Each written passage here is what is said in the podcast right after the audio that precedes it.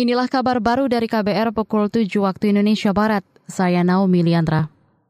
LSM HAM Kontras menyebut ketiga kandidat calon presiden dan wakil presiden memiliki rekam jejak pada kasus dugaan pelanggaran HAM. Koordinator Kontras Dimas Bagus Arya mengatakan bentuk pelanggarannya secara langsung maupun tidak langsung melalui kebijakan.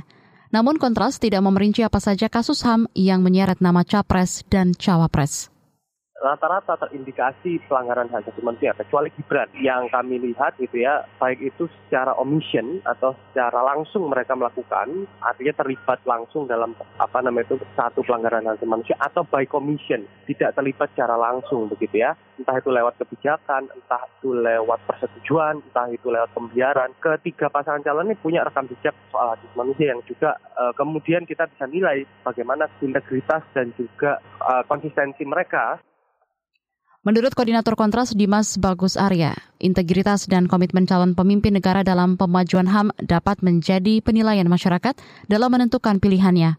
Komitmen dan integritas itu merupakan bekal kepala negara berikutnya dalam menuntaskan penyelesaian pelanggaran HAM masa lalu, serta memastikan pelanggaran HAM tidak terulang.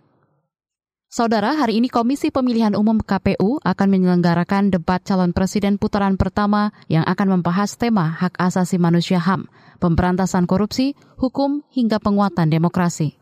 Kabupaten Sleman menjadi salah satu wilayah yang memiliki potensi rawan dalam pemilu 2024. Selain Kabupaten Sleman, Kabupaten Kulon Progo, dan Kota Yogyakarta juga menjadi wilayah yang patut diperhatikan – Hal itu disampaikan Kepala Badan Intelijen Negara BIN DIY Rahmat Puji Susetio.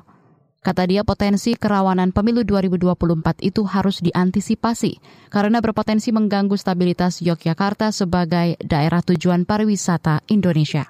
Jadi Sleman itu memang itu multikultur itu. Jadi Sleman terus yang rawan sedang itu di uh, Jogja dengan dengan Kulon Progo. Yang lain rata-rata sama rata-rata. Tapi Dijelaskan Rahmat pada masa kampanye ini, pihaknya bersama jajaran Forum Koordinasi Pimpinan Daerah Forkopimda melakukan pendekatan menyasar tokoh-tokoh kelompok. Sementara itu, Kepala Divisi Pencegahan Partisipasi Masyarakat dan Humas Bawaslu DIY, Umi Iliana menambahkan, pihaknya sudah memetakan potensi kerawanan pelanggaran pemilu. Beberapa waktu terakhir ini Bawaslu DIY juga telah melakukan koordinasi penindakan bersama KPU DIY dan Satpol PP sebagai ujung tombak di lapangan. Dewan Eksekutif Organisasi Kesehatan Dunia WHO mengadopsi sebuah resolusi yang mendesak agar akses bantuan kemanusiaan ke jalur Gaza segera dibuka dan dibebaskan dari hambatan. Atas permintaan 17 negara anggota, Dewan Eksekutif WHO mengadakan sesi khusus di markas besar WHO di Jenewa untuk membahas kondisi kesehatan di wilayah Palestina yang diduduki itu, termasuk Yerusalem Timur. Dalam pidato pembukaannya, Direktur Jenderal WHO Tedros Adhanom Ghebreyesus menyebutkan dampak konflik terhadap kesehatan sangat menghancurkan dan sistem kesehatan di Gaza kolaps. Menurut WHO, hanya ada 14 dari 36 rumah sakit yang masih berfungsi secara parsial. Hingga saat ini, lebih dari 17 ribu orang dilaporkan tewas di Gaza. 7 ribu di antaranya anak-anak. Tedros menekankan pentingnya gencatan senjata untuk pemenuhan akses kesehatan di Gaza. Demikian kabar baru dari KBR, saya Naomi Liandra.